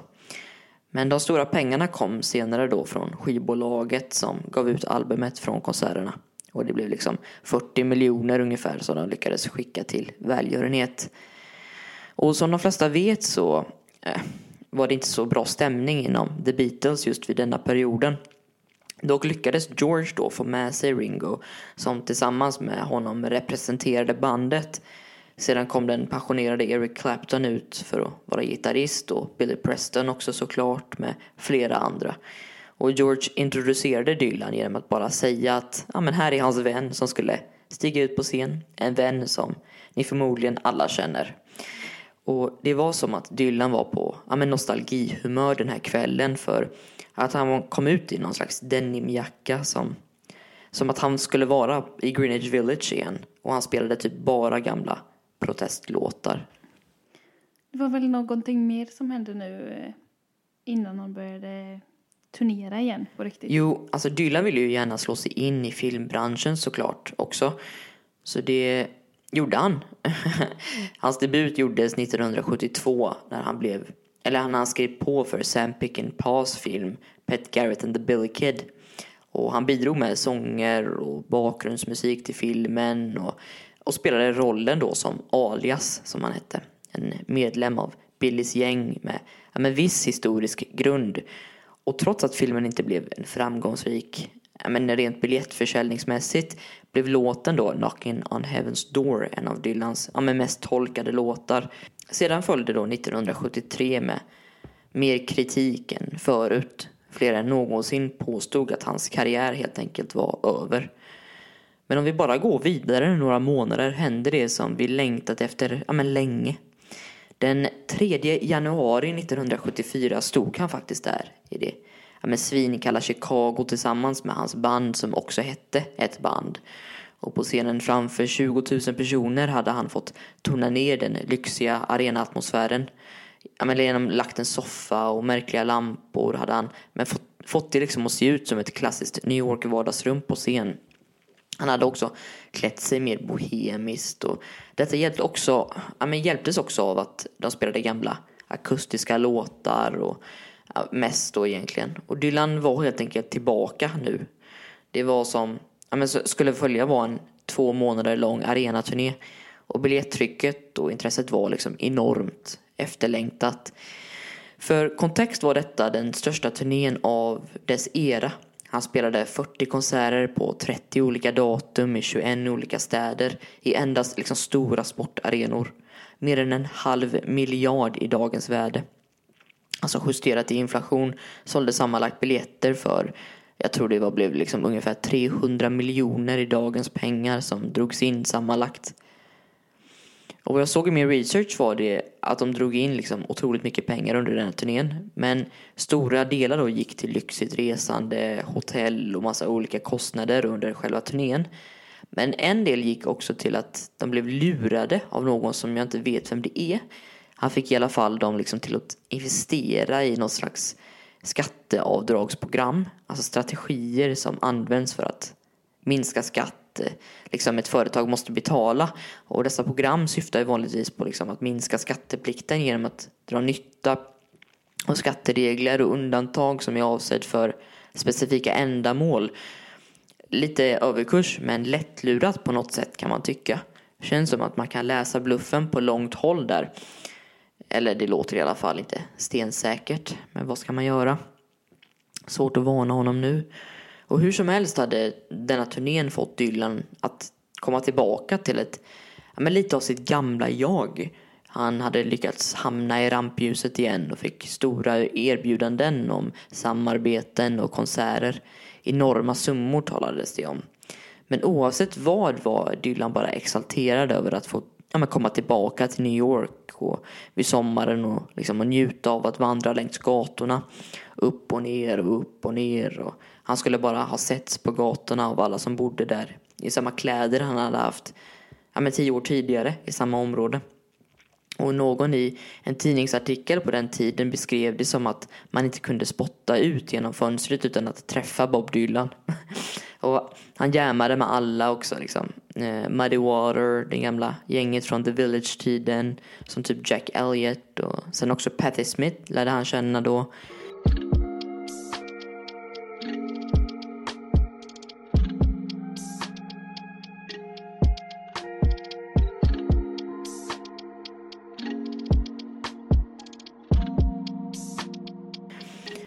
Och nu då ska jag berätta den sista delen i vår podcastserie om Dylan. Jag ska avsluta detta långa avsnitt med hjälp av att också avsluta en del av Dylans liv som man kan säga är ett halvt liv.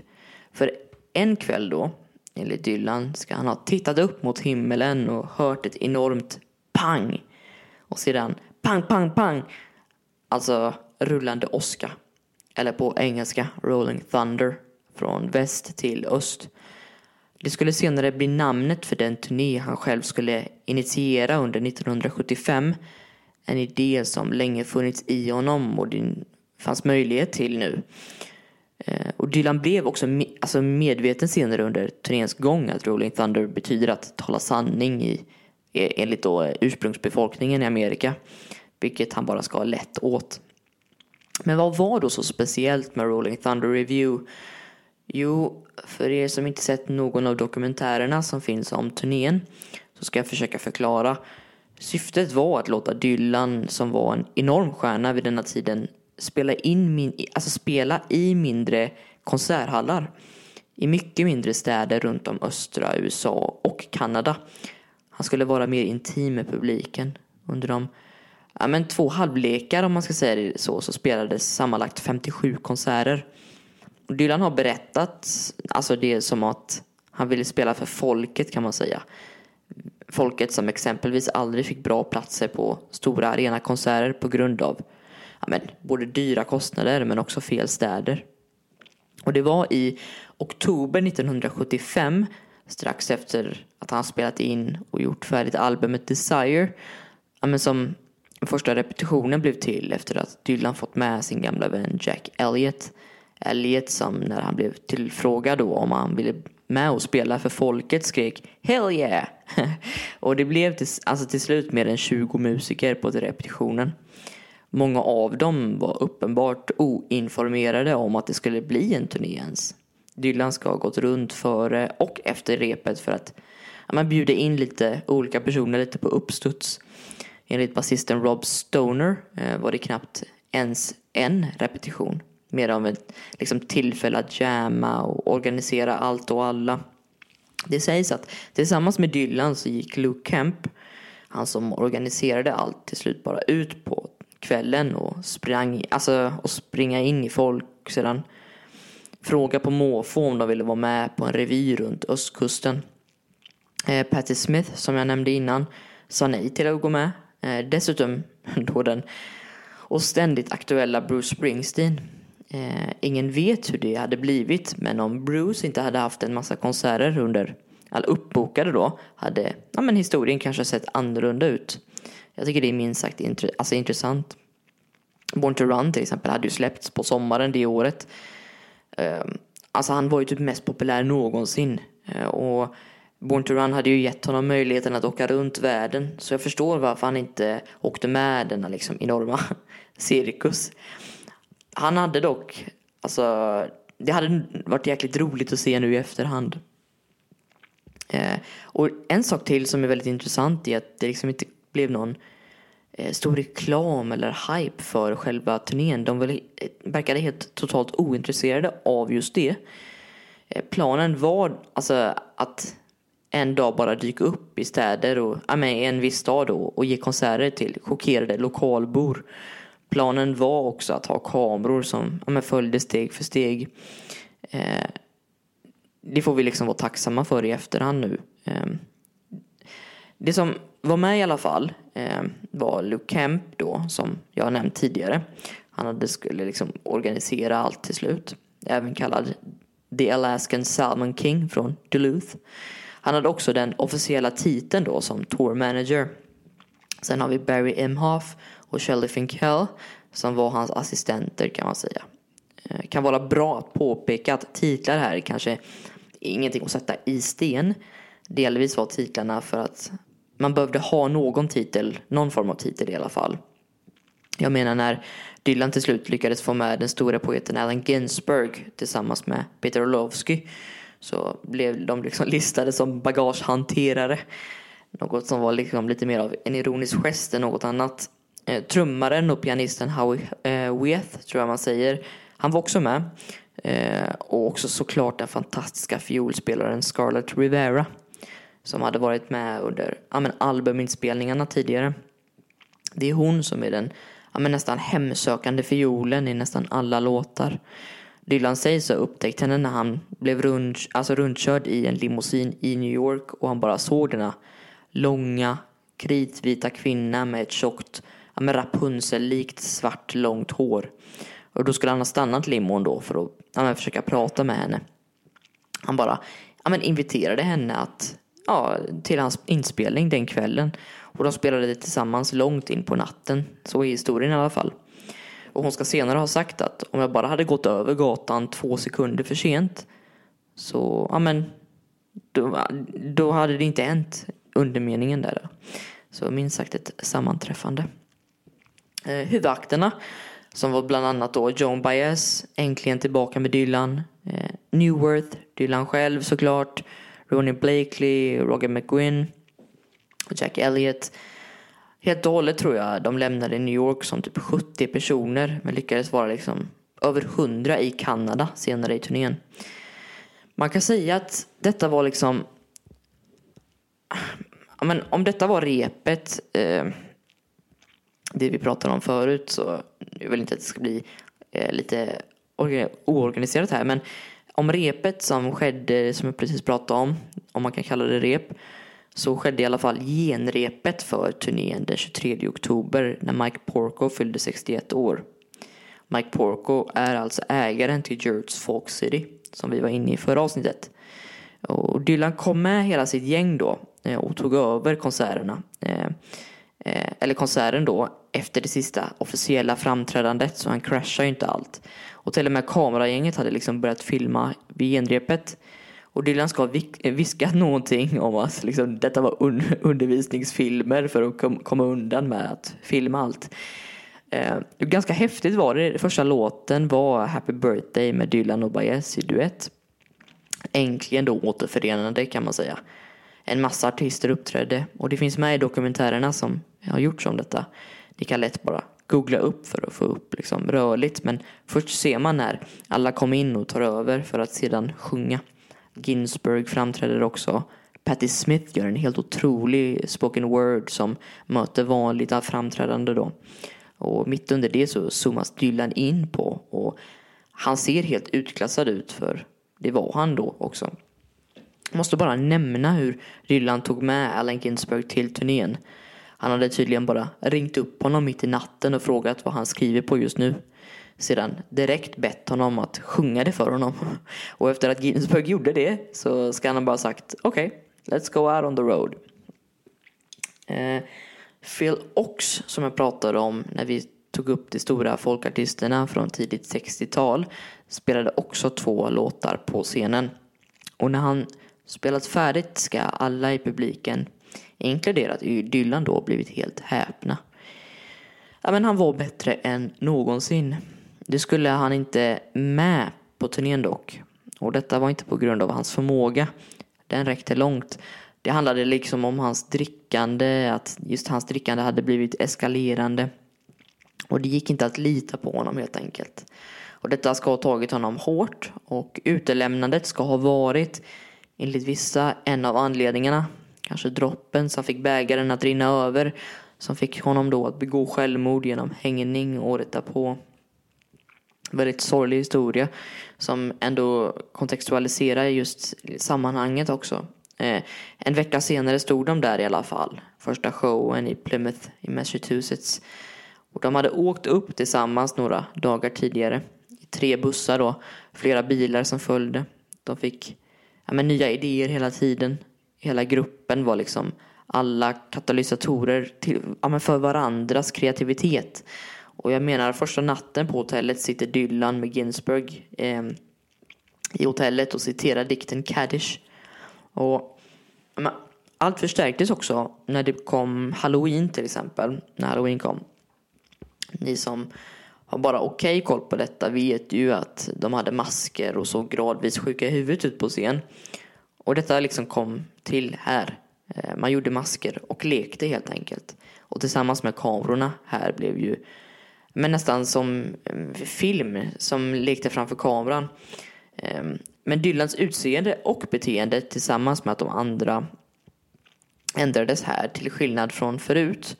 Han ska ha ja, rört sig runt på scen maniskt likt en 70-talsrockare möter fotbollstränare liksom. Som försöker få sitt lag att rycka upp sig, ni vet de här vevande handgesterna.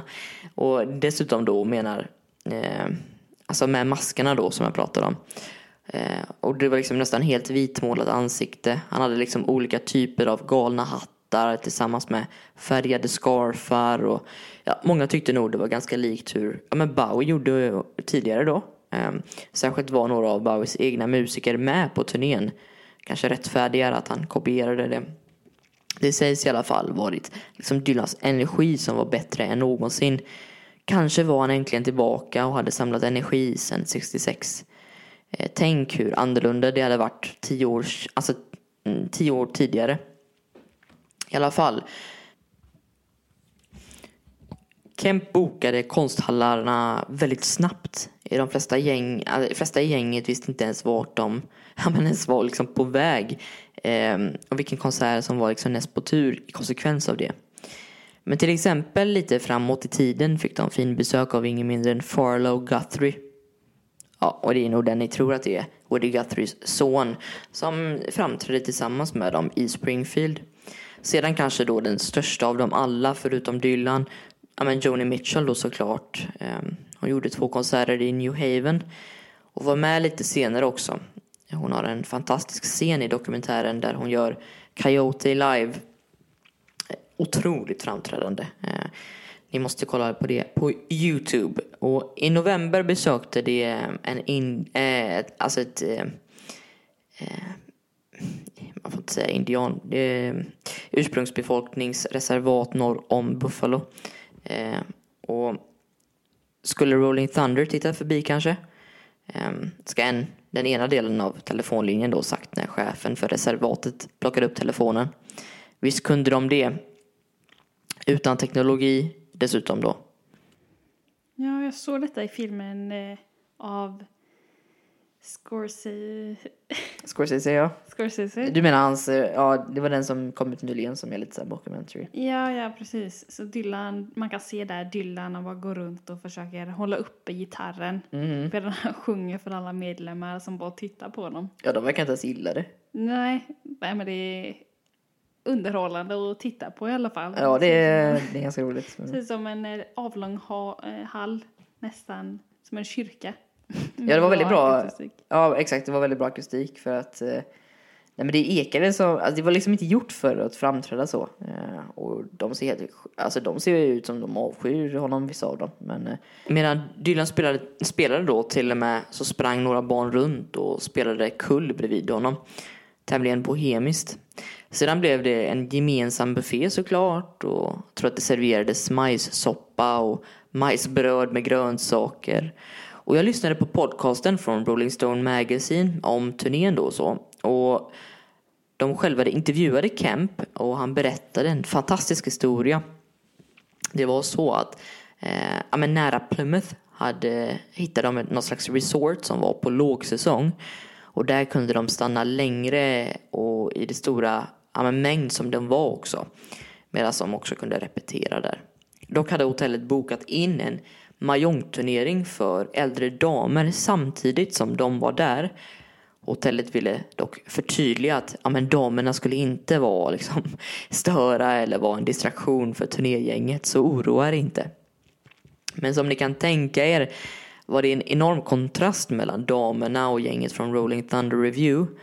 Jag menar dessa damerna var ju födda bara några år innan 1900-talet. De hade liksom sett Titanic sjunka. Varit med om två världskrig och en depression. Medan personerna från Rolling Thunder, ja, men de kunde ju vara 15 år yngre än min farmor som fortfarande lever. Eh, någon hade i alla fall idén om att göra något ja, men kul för damerna. De hade ju ingen aning vilka de var i alla fall. De flesta visste inte ens vem Dylan var. Så då kom personalen ut till turneringen och berättade att ja, men hotellet hade bokat in ett speciellt framträdande endast för dem i form av Allen Ginsberg och den lite mystiska Bobby Zimmerman.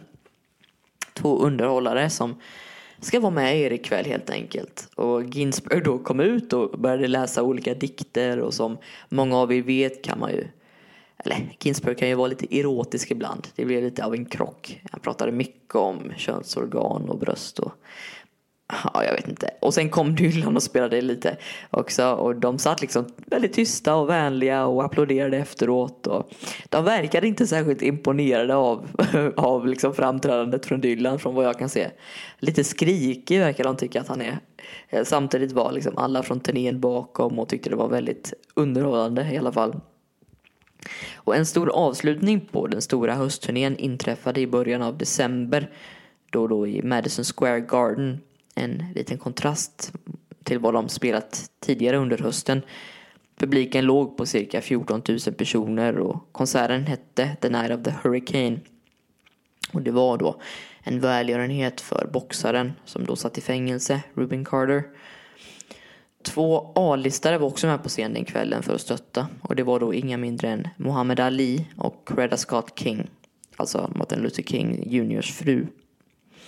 Men vem var då Rubin Carter kanske ni undrar och varför gick han, ja, men varför fick han så otroligt stöd från eh, Dylan speciellt när han satt i fängelse?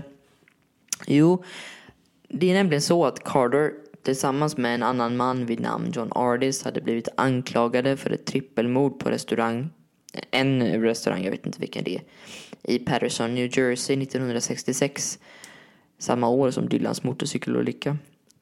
Tio minuter efter den, ja, men de brutala morden på restaurangen som faktiskt inträffade mitt i natten, typ tre, eh, stoppade en polisbil Carter och Ardis i en lånebil.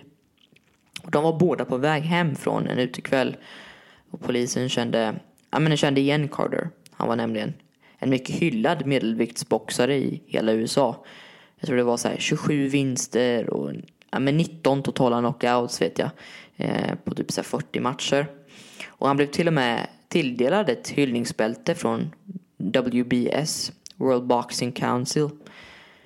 Hur som helst, eh, polisen lät bilen fortsätta trots allt. Men bara minuter senare får samma polis höra ett vittnesmål med beskrivningar av bilen som lämnade brottsplatsen som mördaren hade flytt i. Och de kunde då senare dra några slags paralleller med den, mellan den då stoppade bilen och den som lämnade platsen. Delvis att det var två svarta män ja, eh, i bilen. Eh, och eh, ja, men med pistoler också tror jag ska vara viktigt att poängtera här. Och att bilen hade ett visst ja, men registreringsskylt och ja, men något slags annorlunda bakljus. Jag vet inte, men det spelar kanske inte så stor roll. Trots att detta vittne då uppgett att Carter inte var den skyldiga dömdes han till livstidsfängelse tillsammans med sin påstådde medbrottsling Jordan Ardis. Eh, fick han då i alla fall senare en ny rättegång 76 men befann sig skyldig även då. Och den, denna domen då blev emellertid mycket omstridd såklart och stora mängder men pålitliga människor undrade om inte deras ja, men hudfärg la grunden till det främsta beviset i rättegången. Och detta blev bara mer och mer omstritt under åren som skulle komma efter. Delvis på grund av att man började se lite närmare på bevisen ja, men som blev mer och mer ifrågasättbara. Och dessutom kunde man senare ifrågasätta ögonvittnes vittnesmål vid rättegången. Och Carter skrev en autobiografi som, ja, men, om allt som hade hänt under sin tid i fängelset. Och den läste senare Dylan då. Och där inspirerades han av hur ja, men Carter såg fast vid sin oskuld och valde att besöka honom i fängelset i New Jersey. Dylan då blev men, fylld av alla möjliga känslor. Det är förstås, ja men nästan omöjligt att verkligen förstå det hemska och frustrerande, ja men främst frustrerande egentligen, att bli felaktigt dömd på livstid. Men Dylan visste också att han ville skriva en låt om det, men han var inte säker. Till slut satte han sig ner tillsammans med hjälp av Jacques Levy eh, och de skrev Hurricane tillsammans. En låt som skulle visa sig vara ja, fundamental i kampen för att få ut Carter ur fängelset. Främst hjälpte det till för att få en bredare publik, eh, bredare publikt intresse av fallet kan man säga. Och här har vi nu vid konserten som skulle samla in över miljon svenska kronor i dåtidens värde Sjukt nog gjorde de en välgörenhetskonsert till honom med Stevie Wonder, Ringo Starr och Dr John i Houston. Dock lyckades de inte, men efter allt var betalt, inte få in några pengar. De gick alltså plus minus noll. Men som jag nämnde innan, eh, Carter fick alltså sedan en ny rättegång 1976 men befann sig då skyldig, som jag sa. Nu fick Carter också två livstidsdomar och det skulle dröja över tio år tills nästa dom eller till nästa rättegång lyckades anordnades. Eh, ja, nu är jag lite trött här men då däremot eh, vid den tidpunkten då så valde domaren H. Lee Sorkin att släppa domen mot Carter. Han släpptes alltså från fängelset. Och han, ja, men det blev uppenbart att rasism hade spelat en stor roll i domen och därför ja, men helt enkelt ogiltig förklarades den helt enkelt. Och här då kommer våran historia om Dylan att avslutas. För den här gången i alla fall. Tur, alltså turnén, den fortsatte in på våren. Man åkte också söderut för att ja, men göra den andra hälften och turnera i ja, men lite större arenor. Men historien om Dylan slutar absolut inte här. Han ska, för många, inklusive mig, fortsätta sin karriär minst lika intressant. Bara några år senare ja, men skulle han konvertera till kristendomen och påbörja en ja, men djupt religiös period. För att samtidigt turnera ja, men runt världen. Under 80-talet ska han ta tillbaka 60-talets ja, men rampljus och fortsätta med enorma mängder ja, med välgörenheter. Men tillsammans är han med i USA for Africa, We Are The World-låten till exempel. Sedan släpptes, äh, släppte han en 11 minuter lång låt som heter Brownsville Girl tillsammans med Sam Shepard som är ett mästerverk tycker jag. Sedan var han med i en popgrupp tillsammans med Harrison, Jeff Lynne, Roy Orbison, Orbison heter han och Tom Petty. Och han gjorde ett otroligt MTV Unplugged på 90-talet tycker jag. Lite, alla håller inte med mig här. Han skulle vinna Svenska Polarpriset på 00-talet göra det otroliga programmet Theme Time Radio Hour där han gjorde ett radioprogram åt gången då med olika teman. Alla finns på Youtube och ja, men han spelar allt från klassisk musik till 20-tals swing, rock'n'roll till 00-tals pop. Och där har han också sina fantastiska tavlor i alla Youtube-videos som någon annan har laddat upp. Eh, otroliga tavlor, ni måste kolla in dem. Han släppte ett julalbum eh, till och med och 2012 gav Obama honom presidentens medalj för frihet för sitt jobb under medborgarrättsrörelsen som vi pratade främst om förra avsnittet. Och allt detta medan han åkte runt på en turné som aldrig verkar sluta. Tio, eller tusentals konserter har han spelat sedan slutet av 80-talet. Samtidigt lyckats bli en av mina absoluta favoritmålare som jag sa innan. Och 2016-talet 2016-talet. Herregud. 2016 tilldelades han i alla fall Nobels litteraturpris, vilket jag hade kunnat göra ett helt avsnitt om om jag... Vilket jag ska skona er ifrån, men ja. Hur som helst, Bob Dylan har helt klart gjort skillnad i musikvärlden. Han har påverkat ja, flera generationer medan han också har besuttit en förvisso ständigt förändrade röst men fortfarande en av de bästa i modern tid. Dylan har skrivit 600 låtar som han ja, men sålde för flera miljarder 2022. Men främst finns det en sak som kanske är viktigast att utpeka och jag kommer lämna er med denna insikt då innan vi avslutar. Han är 82 år gammal idag och han har gjort 30 planerade konserter i 15 olika städer bara i höstas. Han gör helt enkelt det han är född för att göra Robert Allen Zimmerman.